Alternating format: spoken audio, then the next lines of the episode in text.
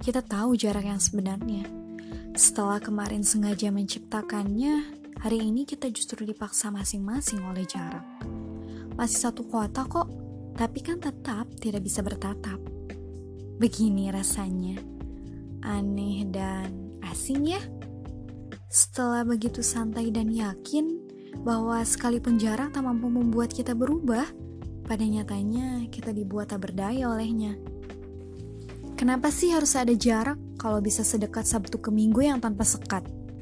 Konon, seseorang pernah berkata, seperti minggu yang dinantikan, seperti minggu yang dirindukan, seperti minggu yang amat berharga, seperti minggu yang menetralkan. Kita tahu, minggu adalah hari yang paling didamba. Sepanjang Senin sampai Sabtu, lelahnya hilang, sirna, lenyap dilahap oleh minggu. Temu juga harus begitu seperti minggu. Meski jarak panjang antara Senin sampai Sabtu itu melelahkan, tetapi temu di minggu selalu menjadi keseimbangan. Tidak pernah tuh tidak disyukuri, bahkan sangat cukup sekali.